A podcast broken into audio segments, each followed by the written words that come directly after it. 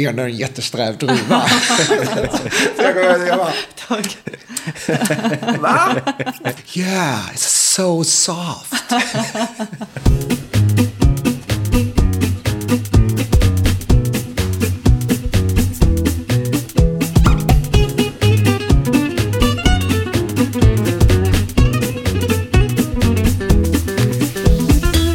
Hej och välkomna till Mera Vinpodden. Jag heter Jennifer Och jag heter Lars. och idag har vi med oss Jesper som vi raggade upp på vårt lokala systembolag. Hej Jesper! Hejsan. Vill du berätta lite grann om, om dig och, och din bakgrund?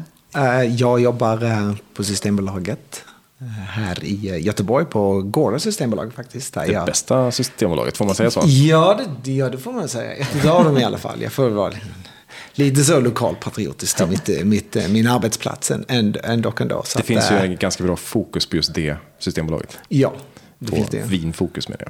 Ja, vinfokus. Sen finns det ett ganska bra matfokus också. Precis.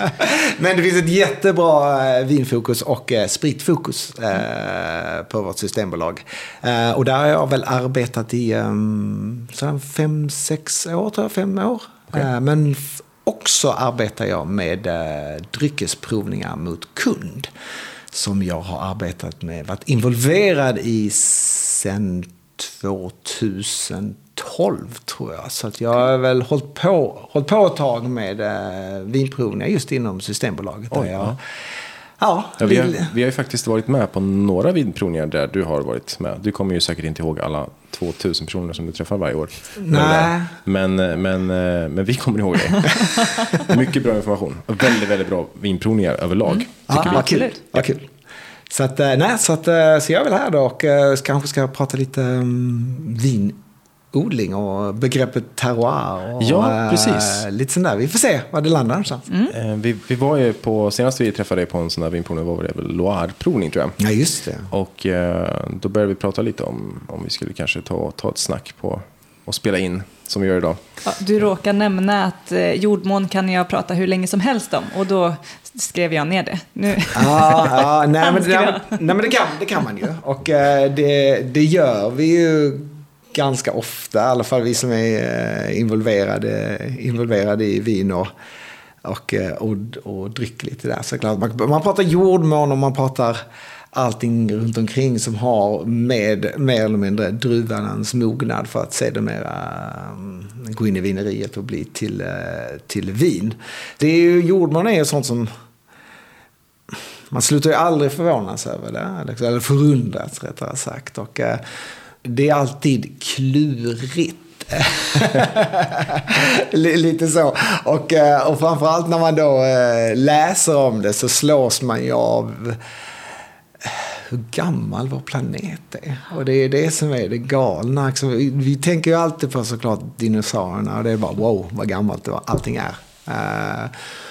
Och sen så släpper man det lite grann. Och sen då när man, eller i alla fall- alla fall jag i mitt tidigare liv. Och sen då när man börjar hålla på med vin och läsa om vin och plugga vin så inser man ju att så kommer ju detta tillbaka igen. Liksom the stomping ground som eh, de vandrade omkring på. Och eh, eh, det som fanns långt innan dem. Och, typ kan vara på lekplatser med sina barn och man plockar, nu låter det kanske lite väl nördigt men, eh, men dock ändå. Det kan liksom man- att- man kan inte vara för Nej, nördig, det är okej. det. Nej. Eh, och man, när man är på lekplatsen och, bara, och plockar bara upp liksom en, en sten. Random sten, du vet inte vilken sorts sten det är. Men du är säker på att den har några miljoner år på nacken. Och bara det är ganska flippigt. man slås av liksom, oj vad jag är ung. Vilket kanske kan vara bra nu när man kommer så här, liksom, börjar närma sig åldershöstlig. Nej, inte lite annat. Men i alla fall man, när man kommer några år så, eh, så slås man i alla fall liksom bara. Den här har varit med ganska länge. Ja. Eh, och, det är det, och, då är, och, då, och då kommer det från, från något grusschakt någonstans som inte har blivit behandlat med kärleksalt på något sätt. Men det är, ja, största sannolikhet har det ju samma uppbyggnad som det som, det som ligger långt, långt, långt ner i vår, under marken till. Va? Eh, som så, så att det, och det blir man ju slagen, av- slagen av ibland. Va? Och det, sen går man ju oftast inte vidare i den tanken, det, något sånt här, för då, eh, har ens barn trillat och slått sig och man, man, måste, man, måste, man måste återgå till ver verkligheten. Uh, men som sagt, så det är just liksom, jag blir slagen av den där, den där storheten utav det. Och, och eh, tidsspannet. Eh, och sen hur mycket av det här som transporteras in i självaste vinet. Det, det är kanske inte just det viktigaste. Men just när man när man rör vid jord och uh, olika, olika jordmåner som man säger. Att man blir liksom bara wow. Ja, men du går i skogen och du bara, det är bara topplagret. Uh, och man bara, nej det är massa, det är massa förmultna saker här. Här är den döda naturen som ska åter bli till jord. Jag är, jag är inte religiös, va? men man blir till, från jorden du kommer till jord ska du återgå. Blir man alltid när man går och sparkar, sparkar i skogen. Liksom, liksom bara, allt ska ju någonstans bara förmultna igen, liksom, den där cykeln. Och man bara känner liksom bara, wow. Förlåt, nu blir det så här. Ja, Nej, det är lugnt. Det är lugnt. Nej, det är häftigt. Det, det, du känns väldigt eh, mindful när du pratar jag, jag tycker att det där är kul att du pratar om just det som ligger på marken. För jag tycker nästan alla vinfilmer man har sett eller eh, något sånt där, så ser man alltid någon liten sån här romantiserad vinbonde som står på huk och plockar med sina stenar och säger att det här, terroir, det här, är, det här är magiskt. Exakt, låter, då, låter det sippra mellan fingrarna. Och... Precis, och pratar om hur viktigt det är med limestone eller ja. vad det nu kan vara. Så där. Och så tänker jag så här, är det verkligen det som ligger överst på marken som är det som blir vin? Eller som vinet ja, Det hjälper till. Ja. Uh, beroende, beroende på vingårdsläge och så. Så ofta så när, om, du har synliga typ, stenar och sånt uppe vid marken så hjälper de ju oftast till med att eh, reflektera tillbaka liksom dagens, dagens värme och solstrålar. Att, att, att, eh, skjuta, skjuta tillbaka värme upp i, upp i vinrankan. Mm. Men det är helt beroende på vart du är någonstans och, eh, och igen är det önskvärt på alla ställen och så. Men, äh, äh, ja, men... Vad va är, va är terroir då? ja, för vi, vi, har ju mm. hittat lite olika, vi har sett lite mm. olika beskrivningar på eh, olika ställen. Och ja. En del pratar mest om jordmån och det var väl så jag tänkte att det var mm. från början.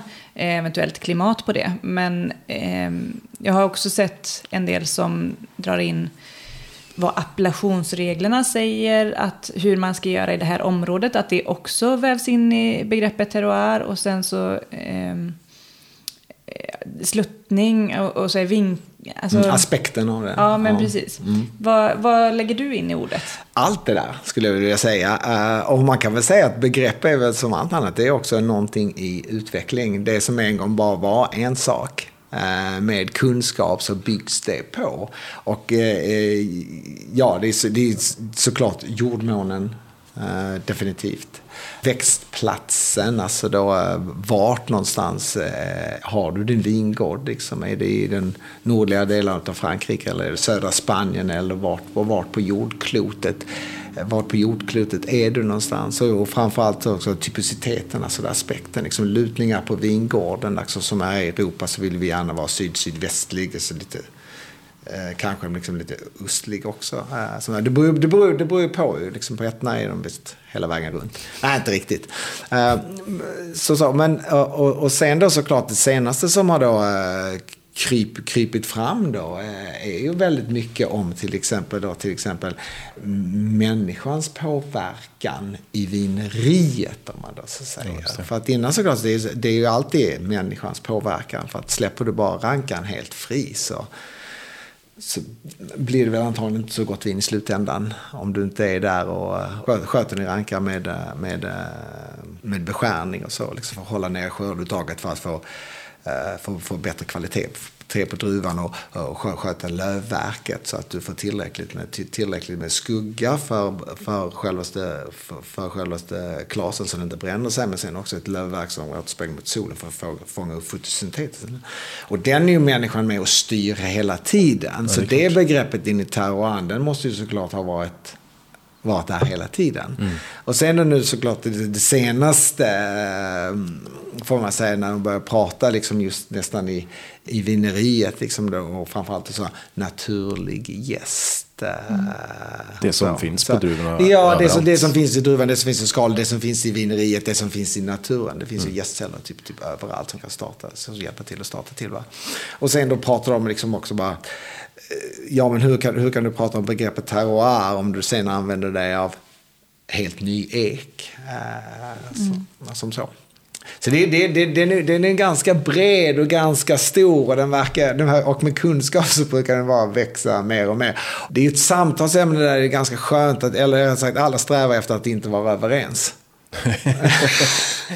Ja, det, så verkar det vara med törrar ja, ja, ja, Mycket liksom bara, nej, så här, är det här rätt vinmakning? Nej, så här ska det vara. Så här ska det vara. Och sen i slutändan är, är det liksom, ja men det, är, det, är, det inte, är det inte njutning vi pratar om? Är det inte, är det inte vinbundens eh, filosofi om man ska säga. Hur vill jag att min slutprodukt ska vara? Mm. Uh, men sen är det, vi, man pratar just att återspeglingen av självaste växtplats och sånt. Och, uh, nu känns det som jag har blivit helt ödmjuk. För, för, för flera år sedan så var jag liksom bara, nej.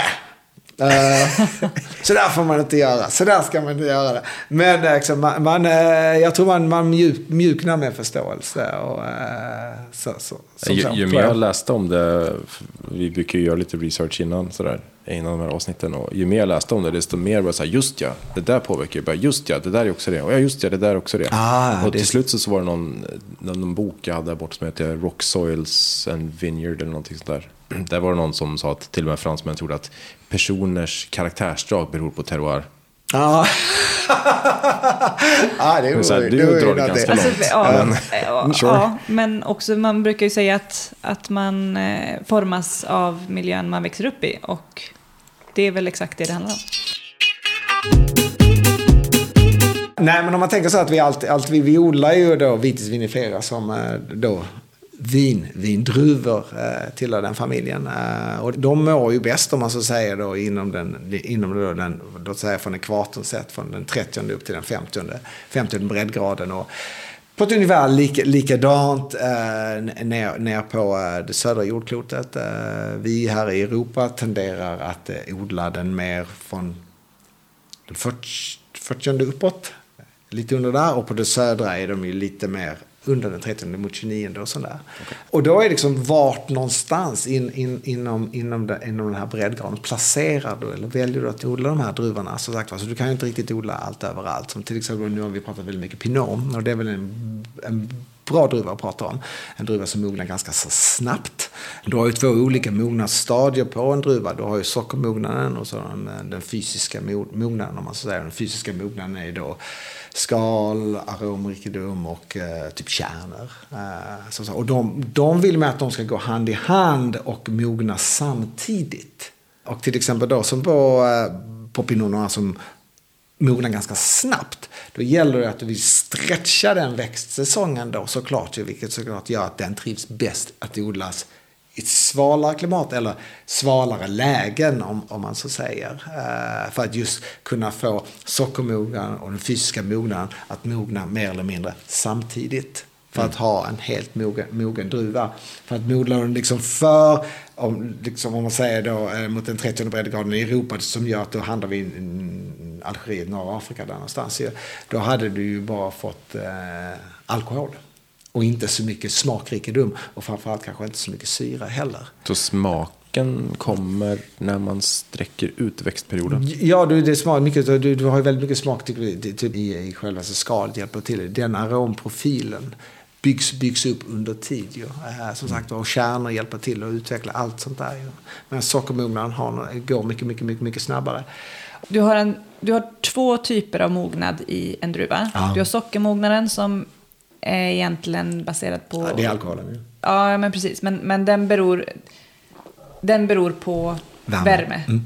Det byggs socker i, eh, det byggs socker väldigt, väldigt, väldigt mycket, mycket, mycket, mycket glukos blir det va?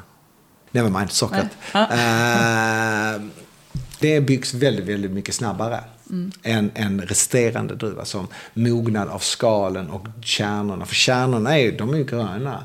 Och ja, tar du upp, öppnar du upp, det är lätt att kolla, jag kan till exempel nu till hösten titta på våra äpplen här i Sverige. Om ni har ett äppelträd någonstans, följ det kan man börja liksom redan i, i juli att plocka ett äpple och bara dela det. Och till exempel, det ska man ju alltid smaka på det. Bara känna hur bitig yep. den syran är. uh, och då kan man ju också förstå, liksom, ja just det. uh, men också titta på kärnorna, titta på färgen på kärnorna. Att de går nästan från vita till ljusbruna till mörkbruna. Mm. Uh, så de har också en mognadsperiod. Så du vill ju, du vill ju fånga dem ju när de är bruna. För då är de ju helt... Det, det, liksom, det, det visar ju också liksom mognaden på självaste, självaste frukten. Och mm. så, så kan man ju säga att det är lite i, eh, eller det med eh, all frukt. Och speciellt druvorna också. Så du vill ju att sockermognaden och den fysiska mognaden ska gå hand i hand. Så då har vi klarat av eh, vad du lägger in i ordet terroir och vad det är vi ska prata om. Eh, ja, ja, ja, men, ja, men lite, lite så. Och vi var, ju, vi var ju lite inne på förut, eller du var lite inne på Lars, att eh, översta, översta lagret på, eh, i jordmånen, eh, om det är det som spelar roll. Men, men det finns ju många olika lager. Är alla lager lika viktiga eller skulle du säga att det är längst ner där eh, rötterna mm. liksom, eller hur? hur? Ja, alltså man, kan, man kan väl säga så, nu ska jag få läsa lite innan till så jag inte tappar bort med alltihopa, men man kan dela upp det liksom, liksom lite i, uh, i tre olika jordmånen, i så tre olika delar, så har du liksom uh, så, uh, vad vi kallar för liksom mineraler, vi har sten, och sen har vi ju liksom bara så, jordarna, om man så säger, liksom, och det som går upp till vårt toppskikt. Så om man då tänker på min, min, min, mineraler så är de liksom alltså jordens byggstenar och, det är, och som hjälper till att liksom bygga eh, vår jord och eh, planeter överlag. Eh, som så, och det är ju, det är ju, och det är, mineraler är ju liksom så, så kemiska, liksom, vad kan man säga, så, kemiska förändringar av olika grundämnen som eh, är bundna till varandra. Uh, I då olika storlek, form och textur. Uh, och då har vi så, såklart så, har vi så rena, rena, rena grundmän som heter element och då är det liksom till exempel guld eller diamant. Så det är inte riktigt det vi, det vi pratar om. Det är liksom när, när, det är liksom när de här liksom är grund, grund, grunden som binder sig till varandra. Så olika sorters uh, grundämnen som, som binder sig till varandra och hjälper till att då Eh, bygga vår, eh, vår jordmån eh, så, som så. Va? Så då, då har du, då, då har du liksom min, min, min, mineraler som är till exempel kvarts, glimmer, eh, järn, fältspalt och liksom, som är byggstenarna i berggrundarna. Efter det så, så har vi, har vi liksom två grundjordmåner, eh, om man ska säga. Och då har vi ju liksom då så här, eh, vulkaniska och sedimentära och metafor, meta, eh, metamorfiska. Eh, metaforisk jord, ja, ja, ja, ja, Metam exakt. metamorfisk jord, jordmåner. Uh, och om vi då inte ska bli för långdragna i detta och inte nästla in oss allt, allt för mycket, för det är ju någonstans här man bara det är ganska sen, komplext. Nej, nej, och sen i slutändan är det så bara, mm, hur, hur, hur, mycket, hur mycket äh, hjälper detta till i vinet? Men, men då kan du göra det. Så har vi, har vi det, så har vi då vulkaniska, om vi ska börja med vulkaniska jord, jord, jordmåner. Äh, extroverta och introverta, eh, eh, eh, eller sagt vulkaner om man så säger. Och en extrovert vulkan, det vet vi alla hur den ser ut. Det var ju inte så länge sedan det sprutade hejvilt borta på, borta på Island och hela Europa stannade upp nå till exempel Etna som fortfarande är en är en extrovert vulkan om man, om man, om man, om man så säger.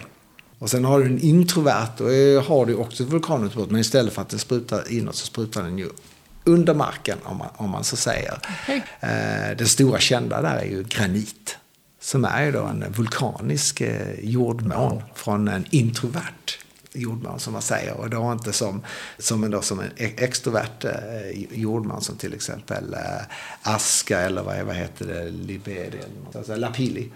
Uh, som så. så det är ju två, det är ju två så att den ena är som extrovert och så är det så introvert. Och så då, där har du också, liksom, som man säger, uh, de, de stora, alltså, granit, basalt och gabbro. Och de har ju då olika vad kan man säga, eh, mineralsammansättningar i sig som gör att de blir olika. Och granit är ju ett ganska så hyfsat så vanligt eh, vulkaniskt ämne och det finns ju på ganska så många områden. Men granit är ju ganska hårt. Om jag skulle försöka sätta en liten stickling av en stackars Solaris här i Sverige så går ju inte att gräva ett hål i granit direkt. Nej, liksom. nej exakt. exakt men, du nej, kan exakt. inte? Nej, jag kan inte. Nej, nej, nej. nej, Rankan? Rankan kan. nej, nej, nej, nej, men, nej, men, nej, men så, så, så, så, som, nej, exakt va. Så, som, eh, så, såklart den är ganska hård ju, men ändå hyfsat porös. Okej. ja. Eh, för, för, får, man, får man lov att säga. Så, så, så med, med tidens gång så har den också luckrats upp och mjukats upp. Eh, sen såklart så är den ju inte kanske alltid bara ren, ens, ensam, ensam granit om man ska säga. Kan vara uppblandat med annat också under tidens, under tidens, Ja, det, vi pratar inte om en, en solid klump med granit. Utan vi Ja. pratar om eh, blandning och olika, olika liksom lager av blandningar. Ja, exakt. Men så, Såklart. ofta ser de också, vi ser ju inte det, men ofta de är ju så, de är så fyllda med liksom, eh, mineraler och allt annat. Så, att, så, det, så de är, det är ju ändå ganska hyfsat poröst om man, om man, om man, om man, om man, om man går in på dem och, och spanar på dem. De är ju jättebräckliga. Så de sitter, det sitter ju inte en solid sten. Det är ju små, små, små, små, små, små, små partiklar i den. Eh, sen, sen så kan man ju gå vidare till, sen har vi då det sedimentära jordmån och det är ju eh, den allra största då såklart. Och det är ju för att om vi tittar på uh, vår jord så är vi ju, vad är det, 70% vatten. Och en gång låg vi ju, allt låg ju under vatten. Och eh, vi finns ju till på grund utav, eller jorden finns ju till på grund av ett x antal olika res, resningar. Eh, som så, så att eh, så den sedimentära jordmånen står ju, består ju mer eller mindre utav mollusker och, eh, eller det havslivet eh, eh, som fanns eh, där när den resningen skedde. Och sen har det inte bara funnits en resning, det har funnits x antal olika resningar i olika tidsperioder. Vilket gör att du fått den här sedimenterade jordmånen att ha, att ha liksom nästan som ett liksom, eh, också kommer i olika lager beroende exakt vad som fanns. Till exempel om du tittar i eh, Parisbassängen då, så, runt eh, Champagne där och även så Dover, så går ner mot Dovers vita klippor, de där otroligt vit, vita. Eh, det är ju så bara sedimenterat eh, och då, det är ju sån här ren form utav väldigt mycket så mollusker och, och ett havsliv eh, som ger då eh, väldigt, väldigt så, så, vad vi kallar för kalkrik jord. Men kalk är ju också då sedimenterat som är då, som då så, under år och under miljontals år och, och tryck eh, har, har, har, formats, har formats till. Och sen kan det ju finnas ett annat lager som har lite mindre. Och en, och, och en annan komposition av någonting annat. För du får ju tänka också att det, det, det, är ju- det är ju inte bara det är inte bara molluskerna. Du får ju inblandning utav allt annat som existerade där också. Och på så sätt så får du ju väldigt olika, sort, olika sorters lager i detta sedimenterade. I varje sedimenterat lager är ju, har ju x, x antal olika komponenter som var i, de, i den, när den resningen skedde. Och sen nästa resning hade någonting annat. Det är därför när man någonstans, när man, när man, när man, om, om du gör en sån genomskärning, det finns ju jättemånga bilder på jordmånar. Och oftast är det ju på då sedimenterade. Va? Då ser du nästan att den är randig. Och då kan man ju liksom se, liksom, aha, just det. Det är så här olika, mer eller mindre olika olika resningar och olika åldersspann på dem. Eh, som så. Och det är ju den allra största och mest utbredda och den finns ju i, i, eh, i väldigt, på extremt många, extremt många områden eh, skulle jag, skulle jag vilja säga. Och sen har du då den avslutningen, den, den, den sista som, som vi var metamorfisk. Också, den är väl den svåraste liksom någonstans att, att, se.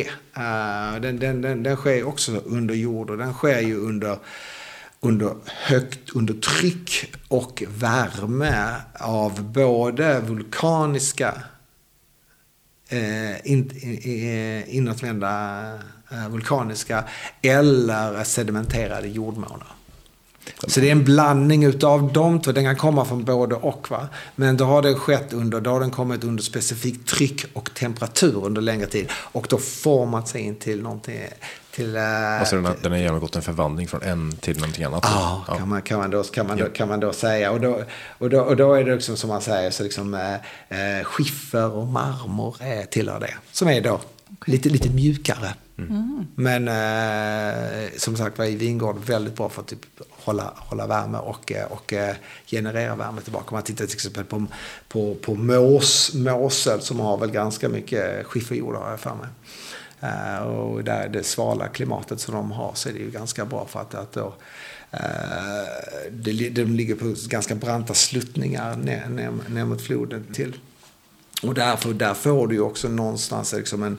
Du, du har inte bara solen som skiner på, på, på de slutade vingårdarna, också solen som går ner, går ner och värmer vattnet. Som sen reflekteras ja, upp på stenarna som värmer och som hjälper till med, med självaste mognaden där. Det var okay. också i, i Chateau efter pappa att man lägger lite ljusa stenar. Ja, det är de galetsen då. De där absolut. Ja, men de, de kommer från, eh, det är sedimenterat. Så det är ju, det, de kommer från liksom så liksom uh, ballast, gravel, lite sand, sandiga jordmånar men ganska stora. Och sand är också uh, väldigt, väldigt, väldigt bra på liksom så hjälpa till med, hjälpa till med värme. Det är en högst uh, mänsklig påverkan kan man ju säga.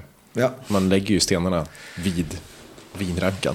Ja, men absolut. Nej, men du sköter ju alltid sånt där. Och det som i Måsel, den, den, är ju så brant. Den är erosion så du måste ju dra tillbaka det upp där. Mm. Så du kan ju inte bara låta allting förfalla. Och så är det ju Bourgogne också. De har ju också erosion. Allting med sluttning har erosion. Så du måste hjälpa till och flytta upp jordmånen eh, något sådär. Så det är ju såklart en, en, en, mänsk, en mänsklig, mänsklig påverkan eh, i, i, det, i det också. Ja, verkligen. Det tror jag faktiskt vi såg någonting om. Eh, någon, någon vinbonde där det hade regnat så mycket så att hans mur hade rasat eller någonting. Och all jord, eller liksom ah. vingården rasade ut. Men ah. han fick inte bygga upp den igen. För Nej. det, ja, det var mänsklig påverkan. Det var, det var i filmen eh, Grand Cru, Marchantas. Ah. Hans eh, Chambol Musigny vingård där som han inte fick bygga upp för appellationsregelsättarna. Oj. Det var mycket diskussioner. Det är en film kan man säga. Ja, det, det, var, det var lite trist. Om det nu växer i granit eller i en gammal mollusk. Mm. liksom, vad, vad, hur påverkar det, påverkar det smaken överhuvudtaget? Äh, strukturen får man väl säga. Alltså för, först och främst, vi kan prata om alla dessa jordmånar. Bam. Äh, men det viktigaste är ju faktiskt att, äh, som vi har glömt berätta, det är kanske där vi måste starta. vi tar det lite baklänges. Vi får klippa ihop detta någonstans. En, nej, alltså vad, vad en vinranka kräver för att göra intressanta druvor till att börja med, om man så säger. Alltså en växtplats är ju faktiskt en näringsfattig, väldränerad jord. Den vill inte bli blöt om fötterna? Nej. Lite där, det, ni pratar om det i en podd också. Exakt va. Uh, du vill att, liksom, att, att det ska kunna släppa, släppa igenom vatten. Men du vill också att jorden ska kunna absorbera vatten. Och hålla vatten. För att kunna just tillse eh, rötterna med så pass mycket, mycket näring som den behöver. Och framför allt så vill du ju också, du vill ju någon form av så stressa din ranka. Du vill tvinga den att växa djupare. För ju djupare rötterna går, vi har pratat om alla de här jordmånerna, mm. i alla de här liksom, någon form av mineralerna den tvingas och blir utsatt för. Och, de, och olika texturer på jordmånar. Är det, är, det, är det typ lera? Är det grus? Är det sand? Du vet, hela den där, det finns så otroligt många, många nivåer utav, utav jordmånar. Så de här kalk i, om man då tittar med som den Kimmerin-leran som man pratar så mycket om i Chablis. Den är inte ren, den är blandad med någon form av lera också. Va? Mm. Så den blir liksom kalklerig. Mm. man säger. Eh, men igen, vad de allihop har gemensamt, sen, eh, vi kan prata pH-värden och sånt i oändligheter, men vad de har gemensamt är just att de är det här. De är dränerande, eller alltså, har en bra dränage och uh, är ganska näringsfattiga. Så vindruvan tvingar sig ner, rötterna tvingar sig ner för att söka typ till mineraler, söka näring som hjälper, hjälper rankan med, med, sin utveckling. Mm. Och den hjälper ju människan definitivt eh, till med. Eh, om, om, om, om, om man ska säga så. Så det är väl någonstans om man ska om man, man tycker att jordmån och sånt bara blir för bökigt. För det blir ju alltid liksom lite för bökigt. Speciellt när man är en lekman och sitter här och bara blandar ihop allting. uh, men just att, att, hålla fokus på, att hålla fokus på det här. Va? Att liksom bara, Okej, okay, vad är det för jord? För att just sätta dem i en, liksom en potatisjord, alltså en alltför bördig jord. Eh, som det som vad vi, vad vi kallar, så, vad, vad, vad, är jord, vad, vad är den bördiga jorden gjord av? Jo, den är gjord av, liksom, av typ kompost, förmultnat. Den är gjord även av, den, av mineraler och sten och topsoil, en blandning utav det här, så, så vittrade stenar till exempel och stenar som bygger upp hela den, här, den bördiga komposten mer eller mindre, liksom den bördiga jorden. Eh, det är liksom det topsoil som fäster rötterna mer eller mindre. Sen är det olika tjockt på olika ställen. Eh, om, om, om, man, om man så säger, vissa har extremt lite topsoil och andra har, andra har mer. Men du vill ju ändå ha liksom att, att under detta så, så ska hela den här näringsfattiga heten komma. Va? För att, eh, men sen, samtidigt hade du velat odla potatis på det, då hade det inte blivit någonting utav det. För mm. den vill ju stå i sin bördiga jord. Ju. Men allting som, som till exempel som fruktträd och allting, som, som oliver till exempel, de mår ju bra utav att stå i sådana här näringsfattiga jordar som bara tvingar dem att arbeta ganska hårt. Så bönder är, vinbönder är egentligen liksom en slags plågoandar för de här stackars vinstockarna? De beskär dem, de tvingar ja. dem och, och inte få vatten. Och... Ja. Fast det är väl lite grann det som är grejen också, att de ska komma så pass långt ner för att där är det lättare, där, där kan de få en jämnare eh, vattentillförsel. Alltså även om det är supertorka en sommar, så om de har djupa rötter så finns det alltid någon form av vätska där nere. Liksom. Ja, jag menar, ja, men lite så. Och sen, men sen, sen då, om man, om man tänker på så, man tänker bara, bara vindruvor som du odlar, de tänker ju, de som du bara ska äta ju. De är uppbyggda på ett helt annat sätt. Där vill du bara åt sockret. Sockret och vatten vill du åt ju. Mm. Du skiter ganska mycket om det smakar så mycket. För det är gott ändå ju. Socker och vatten är gott.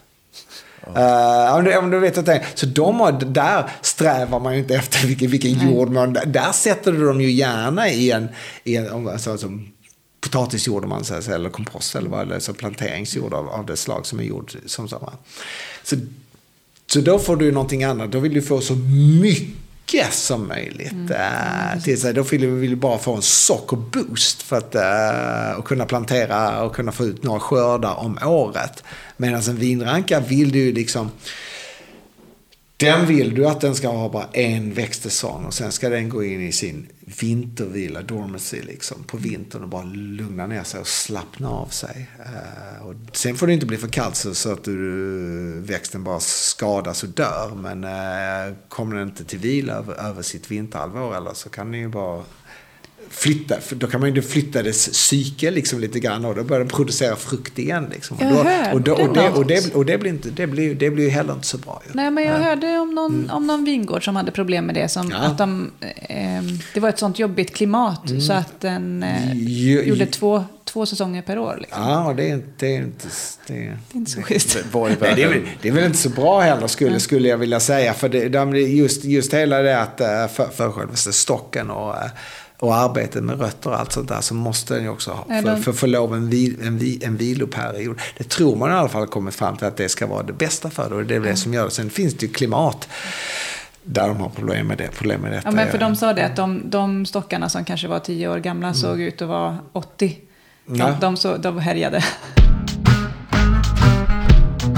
Jag hade en tanke på det, för du pratade lite grann om, eh, om syran, att kalkrik jord ökar syran. Mm. Och eh, jag hörde att mineralitet är ju, det är ju ett, ett begrepp som många slänger sig med. Ja. Och eh, drankan kan inte ta åt sig mineraler. Smak och mineraler. Nej, nej, precis. Men däremot så hörde jag en, en, förklaring att det man upplever som mineralitet egentligen är en typ av syra som är påverkad av, alltså att, den, att det blir en högre syra som upplevs som mineralitet av bland annat mm. kalkrik, eller kalk... Ja, det skulle väl vara då vinsyran då, skulle jag väl säga. Att det är den som man eh, kanske uppväxer som lite så. Eh, upplevs som, Absolut, som mineral. men, medan äppelsyran är ju då ganska lite mer fruktsyrig. eh, Om man så säger så, äpplen och Och hårdare. vinsyran kan och- påverkas mycket av, inte och- bara av, av druvan utav, utan även av... Ja, alltså, jordmånen ja, då, liksom. Ja, ja, men alltså vinsyran är ju, den är ju mer intakt om man så säger. Eh, I druvor har ju då eh, vinsyra, äppelsyra och så har den ju citronsyra som det var väldigt, väldigt liten del utav. Och tittar man på då eh, fördelningen utav vinsyra och äppelsyra så är, är det ju oftast att det finns mer vinsyra i, i druvan och lite, lite, lite, lite mindre äppelsyra. Och ibland kan det vara 50-50. Sällan är det att äppelsyran är högre än självaste vinsyran. Eh, Och äppelsyran är ju föränderlig, alltså, så, som, som vi pratade om innan. Det är den som kan eh, förvandlas eller eh, transformera eller förvandlas in till, eh, in till ja, mjölksyra, liksom, som en, en symisk förvandling om man så säger. Medan vinsyran är ju intakt. Så att jag skulle nog kanske skulle säga, om man säger så, just det, den här känslan av eh, mi- mineral eh, är väl kanske druvor men en kanske så tydligare vinsyra till sig. Skulle jag, skulle jag, gissa, skulle jag gissa mig till. För, Klimatet för, kan öka ja, men, på- men, ja, men det är lite så. För att även, även ibland när du känner viner som har, gjort, har gått, genomgått en malolaktsförvandling så kan du fortfarande känna en viss mineralitet.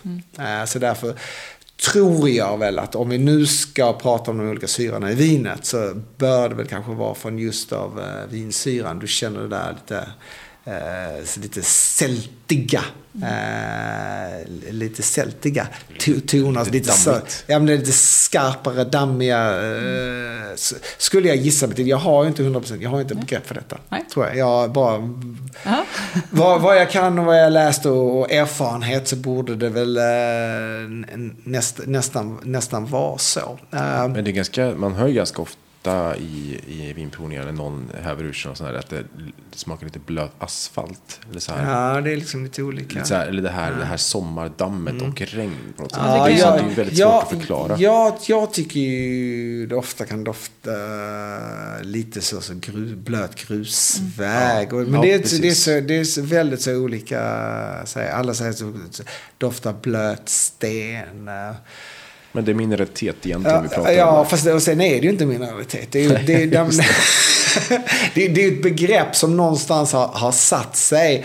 Och vi kan ju gilla det eller ogilla det, men det är ju där. Och det är helt plötsligt väldigt svårt att bara tvätta bort det. Nej, det är ju till för att kommunicera vad Nej, man nej men, så ja, men, ja, men lite så. så då, då får man ju någonstans bara försöka förklara det på bäst, bästa möjliga sätt. Men ja, jag skulle vilja säga att det, det är väl syrorna i, i, eh, i druvan eh, kontra klimat och växtplats mer än att det är jordmånen som ger en, en vision utav eh, mineralitet. Okej. Så inte då mineralerna från jordmånen. Nej. Uh, är det säkert någon som går in och nej, nej, nej, så är det inte. Eh, men det, det, det, det, det tycker din jag väl någonstans lå- låter ändå rimligt vad jag förstår. För att någonstans säga nej, du kan inte. Och för, för säga nej, du doftar, säg att du doftar mineral. Men eh, sen finns det ju så otroligt många mineraler som är så olika, olika gruppsammansättningar i olika jordmåner, i olika skick med olika ålder. Hur kommer det sig att alla de här indelningarna av mineraler som skapar vår berggrund visar sig, eller uttrycker sig i vinet bara på fyra, fem olika sätt. Det, det, det, låter, det låter inte riktigt rimligt. Så därför är det så som det, som de har kommit fram till är att nej.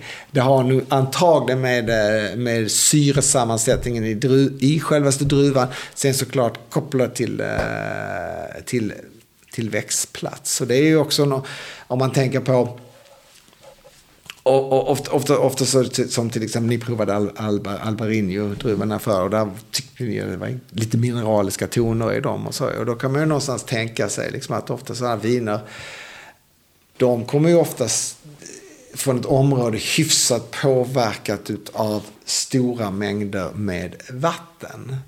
Eh, och vatten har ju oftast en ganska hög sälta i sig. Uh, nu kan jag vara, jag kan vara ute på väldigt hal is här. Ja, vi kan inte sätta dig på pottan. Men, men, men, men, jag, jag, tänker, för jag, tänker, jag tänker så här, och även om du dricker, provar viner för till exempel Azorerna som är den här som vulkanisk ö. Och du säger alltid oftast med vulkaniska viner att de har ganska den här sältaton. Men de är ju vulkaniska, omringade med jättemycket saltvatten mer eller mindre. Uh, och, och, och, och, då tänker jag liksom någonstans att det, i sådana här områden så måste det finnas ganska mycket så saltpartiklar i luften. De kan ju inte vara helt bundna till vattnet. Det måste ju finnas i luften. För om man tittar på australienska viner så tycker man ju alla de doftar eukalyptus. Och det gör de ju. Och då är eukalyptusträd över hela Australien. På druvskalen Australien. Och där dricker du Syrah och Cabernet Sauvignon. Och båda två doftar eukalyptus. Men, men, men en Syrah, alltså då, alltså då, eh, Shiraz och Syrah, mm. samma druva. Från Norra Råndalen eller till exempel en eh, Cabernet Sauvignon från uh, Omedoc eller Napa. har ju inte, har inte den eukalyptustonen. Du tänker så, att det är partiklar så, så, så det måste ju antagligen säga, vad gästpartiklar fastnar ju på skalen. Ja. Mm. Varför borde inte sån, så högaromatiska träd som utsömrar den doft göra det? Likadant som jag tänker kustnära områden med ganska hög sält, sältaton i vattnet. De partiklarna måste också leva och påverka. Ja. Inte ensamt såklart. Men jag tror att de kan nog hjälpa till att påverka det där som vi känner att sältmineraliteten i vinet. Kopplad till då såklart eh, eh, syresammansättningen i druvan och, eh, och, och, och så liksom växt, växt, växtplats ofta, ofta kopplad lite svalare. Eh, men jag har inte alls tänkt på det så nej, tidigare. Men, jag, men det, vi... jag, jag och funderade på alltid, för någonstans är det liksom att, och, och ganska, ganska många år så vill man ju inte säga, som de australienska vinerna som bara, nej det, det är inte eukalyptusträden. Men så någonstans är det, men det är ju en elefant i detta rummet. Det doftar eukalyptus så alla är överens om det. Ja, okay. och, och allting har ju en yttre påverkan och nu när kanske det inte är låt säga, går vi tillbaka i tiden så var det ju jordmånen. Då pratade vi, åh, jordmånen påverkar ju druvan så väldigt, väldigt, väldigt mycket. Nu har vi, de har kommit fram till att man, nej, det är ju begreppet terroir, växtplats, allting. Mm. Och då blir det sånt här såklart att stora mängder med vatten tillhör såklart terroir. Likadant som ett eukalyptusträd bör tillhöra terroir som också sätter sin prägel på skalen. För det är du har kommit fram till att gästpartiklar sitter på skalen som mm. inte är druvans egna. Som är närliggande. Det här är ju helt galet uh, egentligen. Så, så, så, såklart, det, såklart att det måste vara, måste vara så. Tycker jag. Ja, ja, ja, så, så, och, det, det, och, det, och det är väl någon form, liksom, som jag sa hela tiden när vi pratade, när vi, som när vi började. Att hela så, vad är, vad är ja, du har hört så olika stories om vad terroir är. Att det är också ett begrepp i utveckling. Mm. Uh, ja, för x antal år sedan så var terroir jordmån. Det var det vi stirrade oss blinda på. Men Sen så helt plötsligt har det kommit in, bara, just det, det är också faktiskt växtplatsen. Vart inom den här 30 och 15 breddgraden är det? Vil, vil, vil, så, så, vilken aspekt, vilken lutning på vingården har du till exempel? Var, Uh, eh, som man ju som man ju förstått, och det har man ju nog antagligen förstått i Bourgogne otroligt länge om man tittar på deras gran, så Premier Cru, Grand Cru och Premier Cru och, och kommun, liksom vart på kullen de är placerade. Och det handlar ju såklart om, om jordmånen väldigt mycket. Men sen framförallt så tittar det också, och, och handlar det också väldigt mycket om solexponering. Så om vi tänker liksom då i juni när allting är bara är frid och fröjd och vi har jättevarmt. Va? Ja, men då skiner det ju bra ovanpå Bourgogne. Va? Men sen när du kommer liksom augusti, september, då börjar ju, det vet vi ju här, då, solen faller ju längre, längre, längre ner, liksom mot sensommaren vi kommer. Och då skiner ju helt plötsligt inte solen lika uppifrån lika, eller från scenet, om man säger, lika länge. Utan den börjar sakta, sakta, sakta börjar med tilta. Mm. Och det är ju såklart, vem får mest solexponering på kullen? Gran Cru-lägarna såklart. Mm. Och då har vi såklart de får en, exceptionell mognad jämförelsevis mot de andra. Sen Det så, blev sen, sugen på att dricka vin. nej, och sen, men sen då såklart så finns det såklart olika jordmånssammansättningar på kullen också. Som antagligen hjälper till och påverkar också. Men som sagt, greppet terroir, vi får inte glömma den där, den där solexpo, solexponeringen mot, mot, mot den gyllene kullen, eller vad nu kort ord betyder. Eh, Jag, jag, jag, jag vet inte, det är så konstigt det här med att eh, så fort jag hört talas om Grand Cru och Bourgogne och de här sluttningarna. Vi har ju varit där och, och tittat såklart och ge- genom resan så blir jag liksom så här, jag blir törstig. jag blir så sugen på gott vin när jag hör om det här. Det är konstigt. Men när Eh. du, när du pratar aspekt, det är alltså, är det både lutning och läge. Eh, väderstreck liksom? Ja, ä- absolut. absolut. Så vä- väderstreck och sen själva lutningen, lutningen på, grad- antal grader. Nu sitter Jesper här och lutar med armarna i luften. Det är väldigt svårt För, alltså för 15, lyssnarna att- 15, klassisk 15 graders lutning är väl något sånt där. Yes. Jag tror Bourgogne har det. Och sen, och en sen, sen, på det sen är måsen sådär 45. Men Ja, vi får ta en bild här när Ja, en fem- armbågen upp i taket här. 15 graders lutning sådär. Va? Och så skiner solen åt det hållet så på hösten. Uh, är vi i norra Europa, som då, eh, nu, nu har vi pratat mycket Bourgogne, vi kan lika väl kanske hålla oss där efter. eh, Det är, det är okej. Ja, nej, men Vi lite så, Eh, så, så hela det där så, att, så pratar vi aldrig liksom höjd över havet speciellt. ju. Visst, visst är vi nå- eh, en bit upp, men det är ju inte så att vi behöver inte, vi behöver inte, komma, vi behöver inte komma upp över havet. Vi behöver inte få någon svalka av våra druvor, för det sker per automatik när kvällen kommer. För det blir, det, temperaturen sjunker i, i, norra, i norra Europa på, på kvällen. Den, eh, den, den, den, bes- den består ju inte. För man pratar ju hela tiden om det där som eh, journal range, liksom att eh, eh, att på dagen så får, den värme och solsken och bygger socker och komponenter och sen på smakkomponenter och sen på natten så vilar den och bygger sin syra. Att den kyls ner som, som så. Va? Så det är den här, så du vill också, du, du eftersträvar ju också med en vingård att få till det här. Balansen. Det är balansen på, på vila, på, på byggnaden av socker och, smak, och smakämnen. Och sen då vilan och syran. Eh, hur kan du kyla ner, hur kan du kyla ner vingården och eh, allt sånt där. Liksom, så, att, så, så, så, så, så pratar man ju alltid.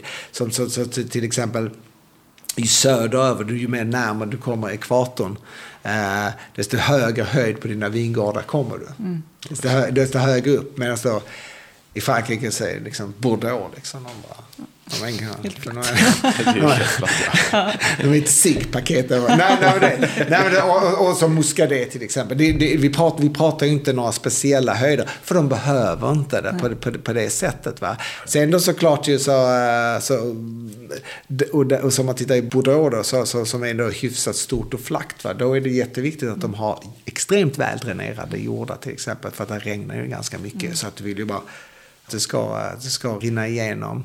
Eh, men sen samtidigt också så vill du, så då är det bra att du har då lite mer då, som man tittar på Omedoc till exempel, lite så sandiga grusjordar som hjälper till att och mogna, mogna Cabernet Sauvignon som moder som också har en sån ganska så lite, lite längre eh, jobbigare växtsäsong för sitt nordliga läge där.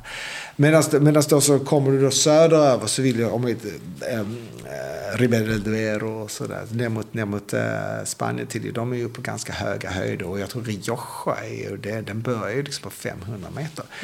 Du tänker inte på det, du bara kommer dit och säger det bara Ja, var det flackt. De bara, we are on 500 meters. Så bara, ja, just det, du är på hela den här plattan. Just det. Spanien är ju bara en stor platå. och allt nedanför det är bara kokvarmt. Liksom. Men så, bara, Eh, så det är, det, är ju lite, det, är ju lite, det är ju lite så du letar sig. Och om man då, och, om man då, då tänker på då, uh, solexponering. Uh, liksom lite norra delarna så är det ju då för syd, sydvästligt läge. Eh, och ju, ju, ju närmare då den 30 breddgraden kommer så blir det kanske inte lika viktigt för då, för då har du en intensivare sol och en intensivare värme, värme och, då, och då framförallt liksom då en sol som står i zenit en längre stund under växtsäsongen. Eh, så, så då kan du liksom, liksom flytta över liksom det syd, sydöstligt läge som man till exempel gör, gör, gör, gör, gör, gör på Etna. Jag tror de är till och med på nordsidan liksom, och, eh, och odlar liksom, eh, druvor på, och på väldigt hög höjd, 700 meter på nordsidan. Det skulle inte riktigt funka i eh, på det, på det, om, om du förstår vad jag menar. Va? Så det, det är också allt sånt där som man måste tänka, tänka liksom lite på. Liksom bara, just den höjden, okay, hur mycket soltimmar är det här? Och, och framförallt en druva som, igen kopplar till en druva som platsar i det här klimatet, som har en växtsäsong som kan utveckla sig i symbios med, med eh, socker och eh, fysiska mognaden tills den är färdig. Eh, och likadant arbetar man ju på södra jordklotet också såklart. Mm. Så, så Margaret, River i, i vad blir det, Western Australia nedanför Perth. Uh, har du in, det, är ju, det är ju ganska varmt där, va? men du har ju ingen värme från havet. Nej. Så man då tänker liksom som, som, som Europas vingårdar, och då som Bordeaux till exempel, som då får en värme in mm, av vattnet, och vattnet hjälper till så har de en nedkylande effekt på sin gård. Och klarar också av att göra Cabernet Sauvignon som, som nästan kan få lite, ibland som av, av en Bordeaux-karaktär. Men då, då såklart har de ju i vineriet försökt forma det som en Bordeaux som möjligt. Men dock, men dock, men dock ändå, så det är allt sånt som spelar in. Du tittar ju på dina yttre förutsättningar. Vad skulle kunna platsa här? Mm. Man kanske säger, ah, här är jordmånen, den skulle passa för den. Eller kanske inte exakt vilken jordmån, men du bara ser, ah, det är en näringsfattig, väldränerad jordmån. Kalk, lera, eh, granit kanske inte spelar så stor roll. Men just framförallt vad har vi för yttre påverkningar här för att sätta den här druvan. Jag önskar, den här druvan skulle jag önska att plantera här. Och så tittar man på all, allting runt omkring och så kommer man fram till, nej, kanske jag får gå på den druvan istället. Det, eller jag får gå på den här, jag skulle vilja ha Grenache. Nej, men det funkar inte. Den är, behöver ju så otroligt hett klimat ju. Eh, det är en sån het klimatstruva som eh, vet, kan bära 15 procent och knappt smaka att den är alkoholstark. Mm. det är så att den måste ha hettan och solen. Liksom.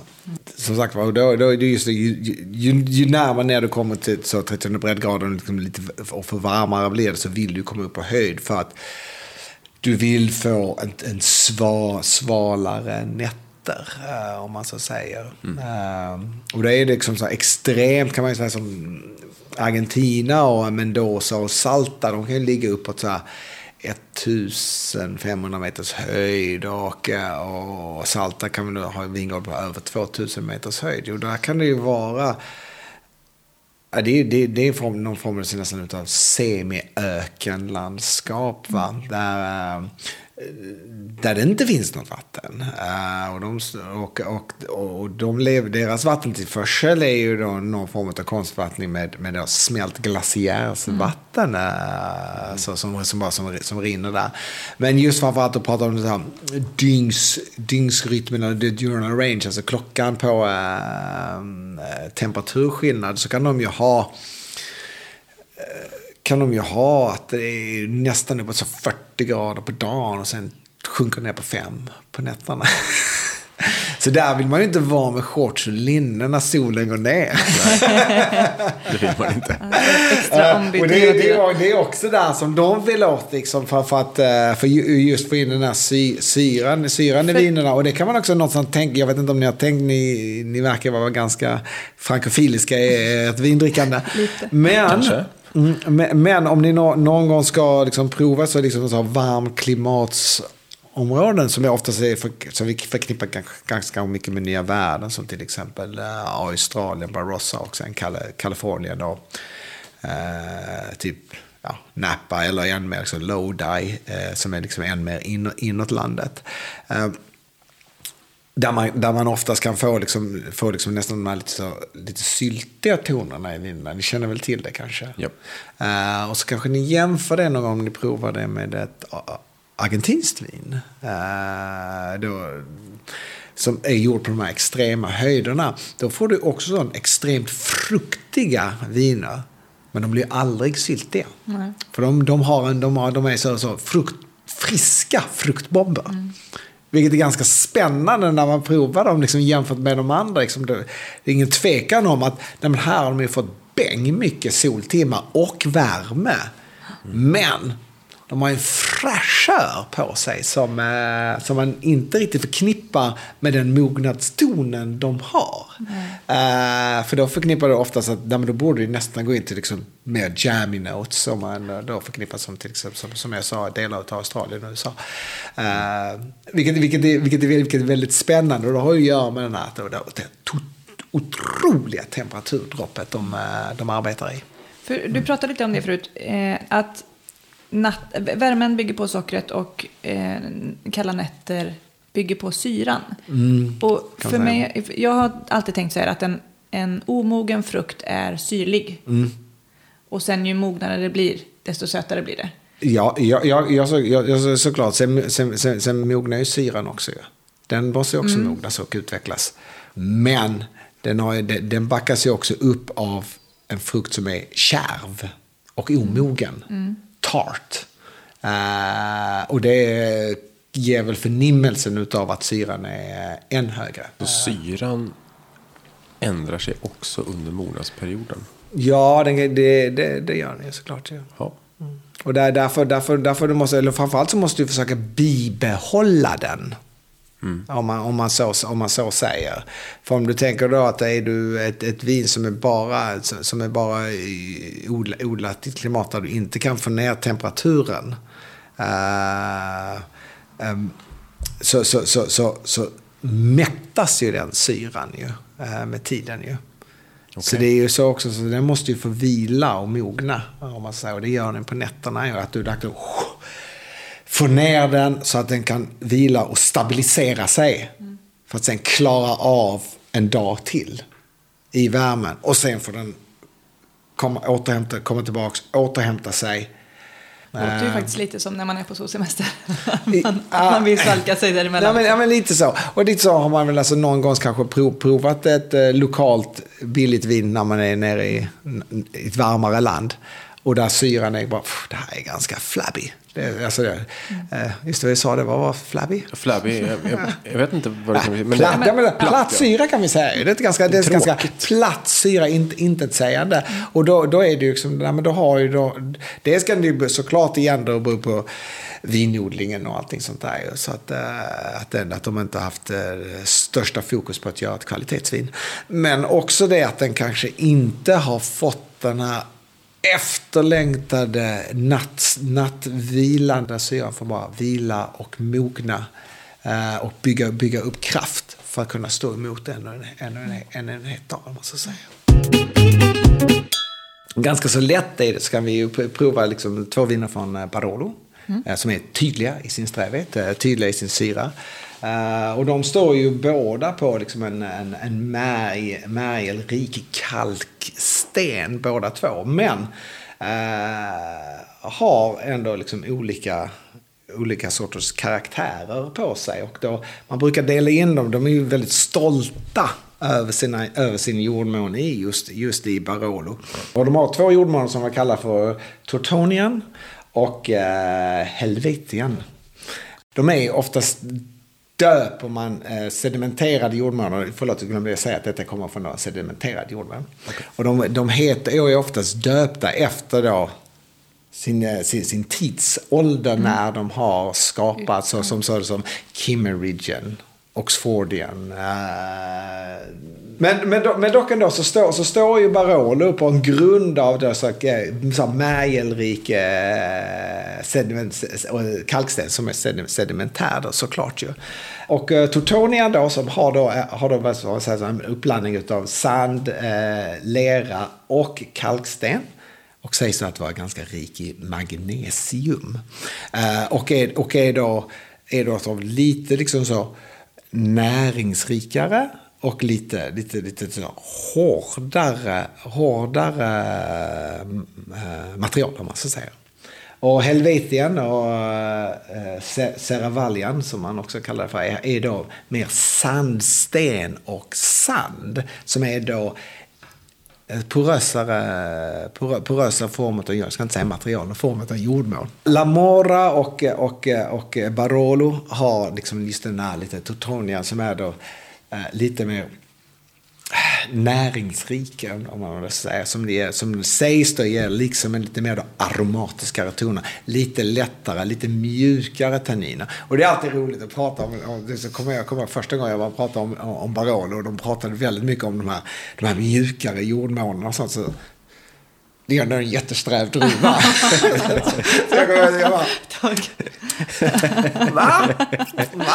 Den här är mjuk. Nej, nej, nej, exakt. Och de, bara, ja, de, de är bara uppväxta med det. Så de bara, de bara yeah, it's so soft. no. Nej, uh, skämt åsido. Uh, Uh, och, det, och man kan, om man då tänker liksom som Barbaresco så har de ju någon form av lite, lite mer åt den här jordmånen också. Sen är de ju lite lägre, lägre, lägre belagda också om man säger. Eh. Så att ofta så pratar man ju då att liksom, det, det för, de från La Morra till exempel är, är, är ju så lite mjukare, lite, lite så elegantare, lite så lättillgängliga, mognar lite snabbare. Uh, som så. Och sen då de som är på den där helvetiant jordmånen som vi tänker på, liksom Serra Lunga, det är Alba som är mer liksom östligt och har den här mer porösare sandstenen, sand men så ganska järn, järnberikad och så porösare.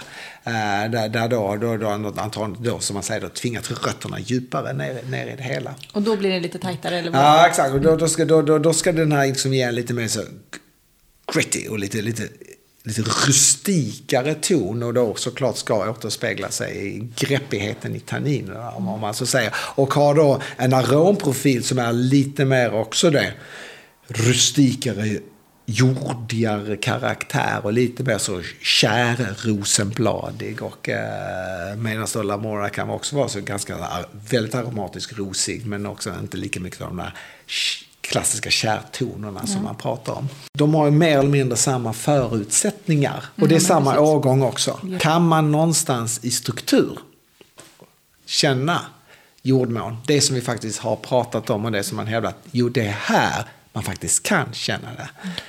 Kalkstenen är där, så att, så att eh, syra kommer de väl ha båda två, skulle jag gissa mig till. Och eh, för de som inte är bekanta med Barolo så är det ju självklart 100% Nebbiolo i båda. Ja, ja, ja, förlåt mig. Mm. Ja, det var jag nästan själv tvungen att lista ut också. Ja. Jag är ju inte så bevandrad i Barolo själv. Du har hållit dig undan från, eh, jag säger inte att jag är något proffs överhuvudtaget, men eh, du har nästan hållit dig undan aktivt. Ja, jag vet inte riktigt. Det är många som gillar Barolo. Jag har inte riktigt uh, haft någon ingång än. Vi får se om det idag mm. kanske blir en ingång. Kanske. Mm.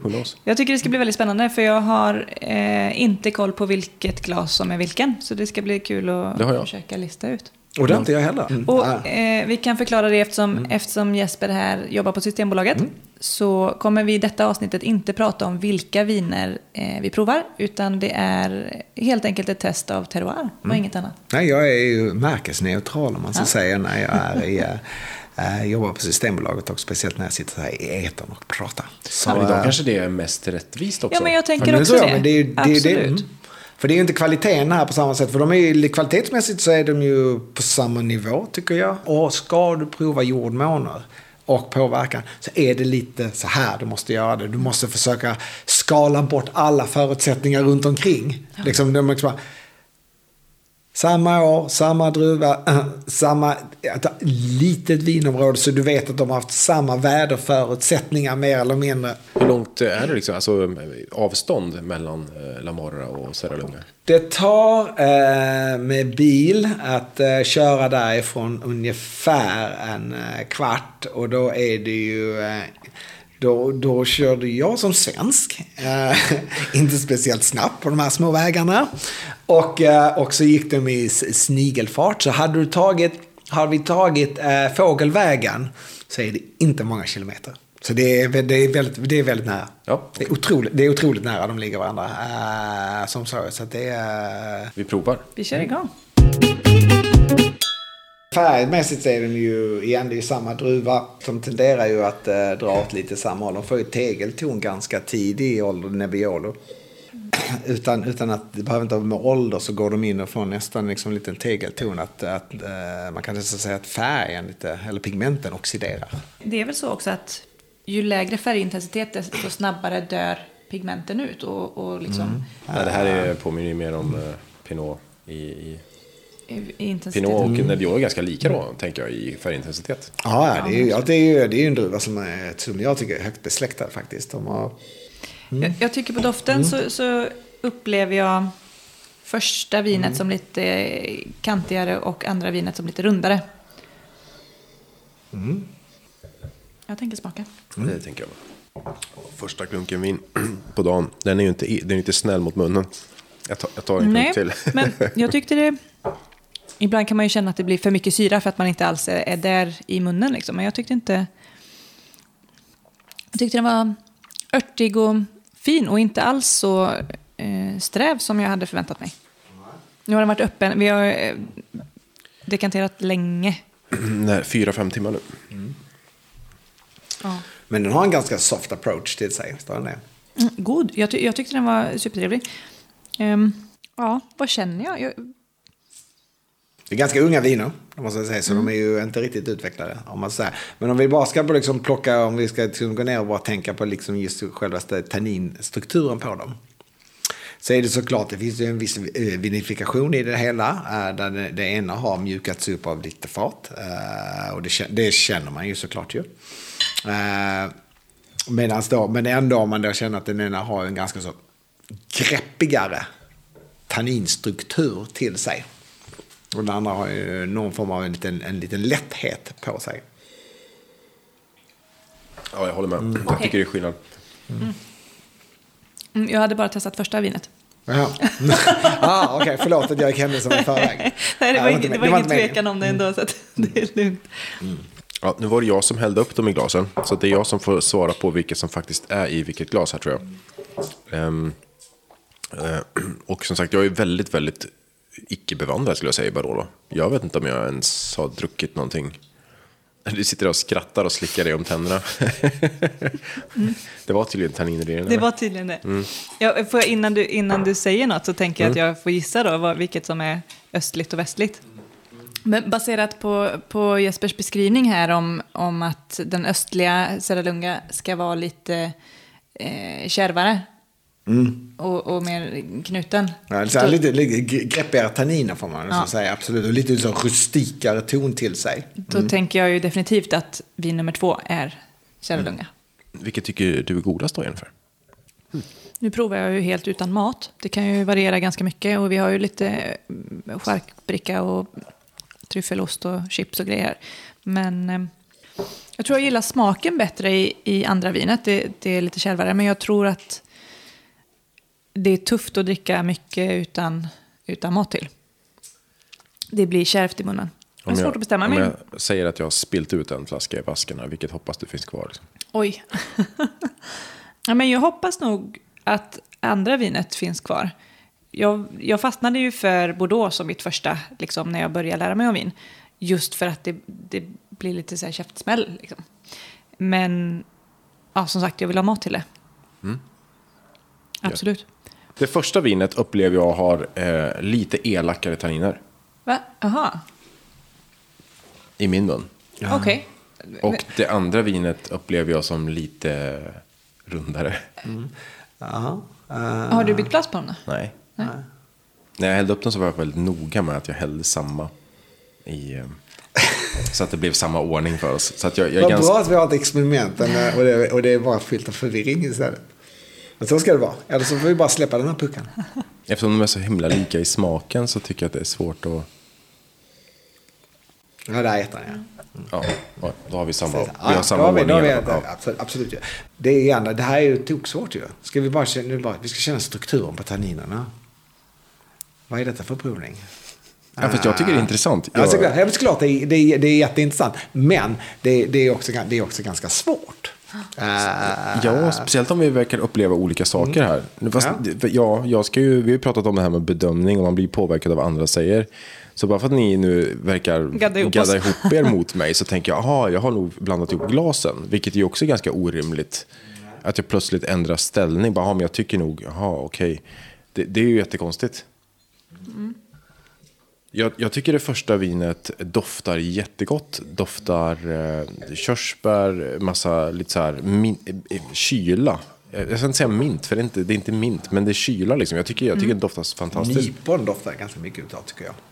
Alltså bara, Jaha, det är lite det kallt? det kanske? men sen får jag, jag får också lite den, så här, lite myntaton i den. Ja, men du vet vad, det är inte så dumt att du säger nypon. Jag har inte, det har inte varit med i mitt vokabulär eller mitt, Ja. Mitt smakvokabulär. Liksom. Mm. Gud vad det låter pretentiöst att säga att jag inte var med i mitt smakvokabulär. Säga, jag, jag ser ettan som fruktigare. Eh, och lite, lite, lite så, eh, mju, så mjuk, mjukare till. Och tanninerna är, är där, stadiga. Men de, det finns också en liten fruktighet mot de tanninerna. Medan tvåan har en, en annan torrhet till sig. Och gör att tanninerna blir väldigt så här, greppiga. Eh, men igen, får inte glömma bort att det är samma druva som är otroligt tanninrik. Jag vill ju säga samma sak som ni säger, men jag, men jag, jag kan inte det. Eller så nu, men nu överanalyserar det, så nu får du bara pausa och så går man vidare i livet. Det första vinet är ju Lamora. Ja. Och det andra vinet är Borde vara så. Borde vara så, ja. Ja, Då har jag inte förvirrat det här Nej, och förstört det- ditt, ditt experiment. Det hade varit lite tråkigt antiklimax. Nej, men, exakt. men som sagt var, det är svårt. Eh, som sagt men jag tycker ändå det här är ändå en, en, en tydlig visning utav, eh, utav ändå, ändå hur, hur två ändå så pass lika lägen ändå och i grundbotten samma sorts jordmån men som sen skiljer sig åt. Och då bör jag ju säga att, att eh, uh, Tortonian från då, eh, uh, Lamora är ju då en yngre jordmån än uh, Helvetian från uh, Särlunga som det skiljer några miljoner år på dem. Uh, som sagt var. Uh, li, li, li, lite så. så. Men det är också spännande. Så det går som ett streck igenom, igenom hela Barolo-distriktet och delar upp dem i, ol- i olika jordmåner. Och det är då sedimentering vid, skiften vid olika resningar och sånt. Så det är jättespännande att det, att det blir så. Och, men sen då ibland då så kan du inte bara sätta ner det till exakt exakt just jordmånen. Men om vi nu bara skulle prova på det så tycker jag att det här är, är det lättaste sättet att prova det på. I, i, i Barolo menar jag. Och då, då, då förstår ni hur svårt det är att prova jordmånar. Ja. Eh, För egent, och, och egentligen kanske någonstans att man kanske inte behöver fundera så mycket på att jordmånen, ja den tillför otroligt mycket till, till självaste vinet. Men som konsument när man provar på det så kanske inte riktigt där man, man bör lägga fokus kanske. Utan mer tänka på liksom, de yttre påverkan. För det, det är så mycket som spelar in. Vilken- Sen, sen beror det på hur nördig man vill ha det. Liksom, så Jag tänkte jag- vilken vettig avslutning. Allt det vi har pratat om, det borde man inte lägga fokus på. Nej, jag bor ju med, jag bor med, jag, jag, eh, min fru hon, eh, hon, eh, hon himlar med ögonen så ofta. Vad sa du? Hon, hon Him- himlar med ögonen. ögonen så ofta och bara... Kan jag få dricka? Skönt, ändå att du vill komma hit en kväll och, och bara prata av dig. Liksom. Mm, nej, nej. Jag tyckte de här vinerna var goda. Barolo är jättegott. Uh, som sagt, det är, det är fantastiska viner. Och, Ja, det sitter eh, säkert någon jag- lyssnare där som är bara, men no shit, liksom. vad, vad säger Det känns, ju, Ja, som nej. att, det känns ju som att Barolo är hela Sver- vin-Sveriges älskling och du och jag har bara inte fattat vad det är. Hur, hur lite vi än vill tro det så är vi ju extremt påverkbara. Och vi följer ju mode slaviskt. Ja, vi svenskar är ganska Eh, ängsliga. n- Ja, men alltså det Barolo är, är, ju, är ju allas eh, golden boy eller golden girl för tillfället. Ju. Så Du menar det, hela det, världen? Ja, det är ju jättestort. Eh, så, som så. Så att det, är, det är inte bara här. Vi var ju definitivt inte först på pucken att, att nu ska vi älska Barolo. Ja, men lite vad jag tycker kan vara synd eh, i, i vinet är, i vinvärlden är att, att vi älskar att prata jordmånar. Jag älskar att prata terroir. Jag älskar att prata vinifikation. Eh, jag kan sitta i timtal med, med, med som ni märker nu, jag fortsätter bara gå på med det. Sen samtidigt i allt det här va, så har det ju blivit att nästan att vin har blivit någon form av en, en, en, en, the new science. Liksom att eh, du måste kunna så mycket om det. Du måste veta allt om det. Så att till den delen att du är lite rädd att tycka om någonting som kanske ingen annan tycker om. Det var det jag menade med ängslighet. Ja, ja exakt. Att, att Ja, man, då- liksom, att man liksom vill gärna tycka om det där som man ska tycka om. Ja, exakt. Och så är någonstans är det liksom att bara att, eh, men eh, har man någon form av intresse eh, så, är det ju, så, så lär man sig efter ett ganska snart tag att plocka kvalitet i viner. Liksom. Och där hittar du kvalitet i ett vin så spelar det ingen roll var det kommer ifrån och vilken druva det är. Tilltalar det dig, så go for it. Det är helt underbart med hela detta vinvärlden. Men vi får inte glömma bort i slutet att det är, ju, det är, det är någonting som ska njutas utav. Som ska skaka liv i någonting i dig. Någon inre känsla utav eh, hängivenhet och passion liksom i smak och doft. Uh, och uh, blir vi så oroliga att vi inte vågar det för vi är så oroliga för vi tänker vi kan inte sätta drivkaraktärer eller strukturer och allt sånt där. Så uh, det, det blir lite synd. Ja, då, ja, då förstör ja. man ju jag, brukar, jag brukar knyta an till min fru ibland. Som ibland brukar, hon doftar vin efter så här bara, det här, då, det här saknar några tior. det är så hon pratar vin. Hon bara, ja. Hur Saknar några ti- Ja, Jaha, du tycker- tior som det- pengar det, det, tycker, alltså. det tycker hon att kvaliteten var lite lägre. Hon bara, hon bara, oh, det här måste ha kostat lite mer. Men det är där hon är. Efter 20 år så har hon vägrat gå någon annanstans. Och det kan man ibland tycka kanske är lite enfaldigt. Men sen samtidigt är det ganska uppfriskande att hon bara, hon är bara där för njutningen. eh, Och har inte brytt sig om ett vokabulär. Hon, hon eh, har inga problem att bli förförd. Nej, hon kan Eh, njuta, hon kan ja, njuta ja, av gud, det, men hon gud, ja. behöver Men, men, lära men det är sig allt hon om bara det, skalar liksom. Det, ibland kan jag känna, jag liksom, lika så frustrerad som man kan bli att hon inte vill vara, vara med på tåget i diskussioner. Så kan man nästan bli liksom, liksom bara, vad skönt att du är så otroligt avskalad inställning till det. Och utan att det är inte så att de dissar det, det är verkligen bara... Det kanske finns tillräckligt mycket nördande i, Säkert. i ert Gud, det känns bara som att bara, varför har vi en podd för? Vi förstör vårt vinintresse. Nej, nej, nej, nej, nej, nej, nej, nej men ver- verkligen inte. Nej, men det, det, nej, men alltså, det, som sagt nej, verkligen inte. Vi håller på att bryta ner det till till och med mineralnivå liksom. Här. Exakt, för sen bara så, ah, Men jaha, det här vinet, jo men det har ju någon slags så här gnejs kiseltannin i sig känner jag nu. Ja, det, absolut. Men känner inte järn, järnet i, det i sista. Men, eh, nej, men som sagt, ja, men skämt åsido, för att knyta an, så tycker jag väl absolut framförallt att eh, jordmån definitivt spelar roll.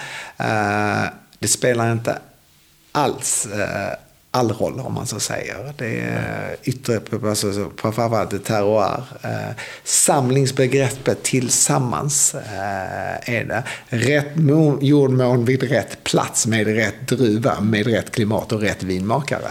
Eh, I slutet så är det ju liksom begreppet terroir. Det är alltihopa tillsa- tillsammans som är, som är det viktigaste som kommer att spegla. Och när det sätter sig helt och hållet så blir man ju tårögd. Då är det ju bara, oj, nämen. Men, nej, men vi hade faktiskt en fråga på, som vi fick en, av en eh, följare på Instagram ifall man kan vinmaka bort terroir. Och det känns ju som att det är väldigt lätt att vinmaka bort terroir.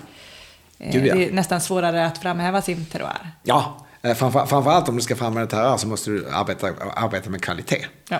Det, är bara att sänka kvalitetsnivån på, på, på, på, din, på din råvara. Ja, men Hens Högre- druvorna. högre så, så, kommer, så kommer det. Druvor. Ja. Mycket, mycket Äggchips och whatnot och allt sånt där. Så det, det är ju jättelätt. Ja, Igen, igen, vi får inte glömma bort att det vi pratar om nu med just terroir-begreppet eh, med allting involverat i den här underbara lilla soppan som man kokar ihop. Det är ju kvalitetsviner vi pratar om. För det är ju nå- någonstans, någonstans det, liksom att när ett vin är fulländat med all, alla, alla dess komponenter så ska du kanske inte riktigt smaka de här komponenterna. Då ska det bara sitta där som en helhet. Som ett snyggt designerplagg där det sitter i sömmen. Det står inte skrivet på bröstet. Det är bara passformen. Fan vilka snygga byxor han har.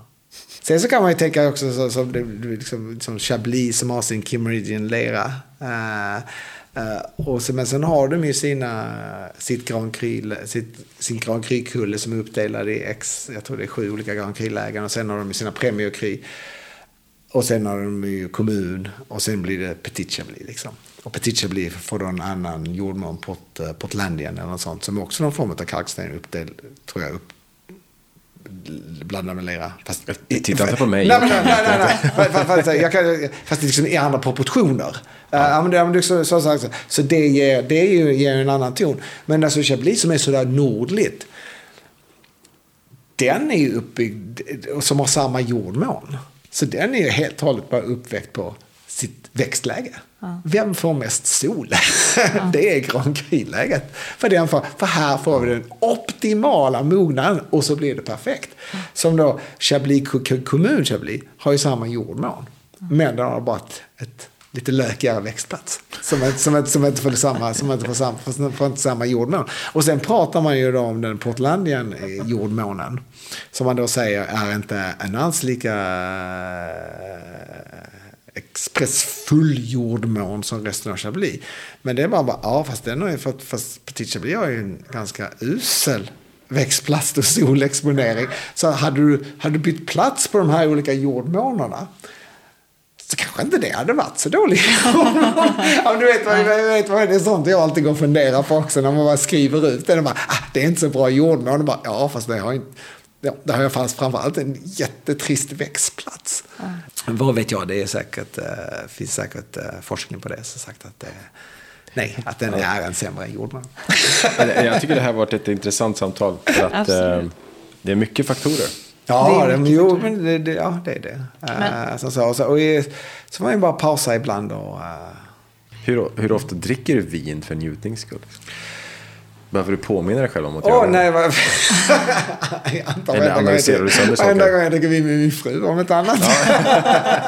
nej, alltså det är väl så fort jag inte jobbar så uh, försöker jag väl att... Uh, nej, men jag går ju alltid... Så fort jag får ett glas uh, vin så gör jag en snabb bedömning. Och sen går jag vidare med livet.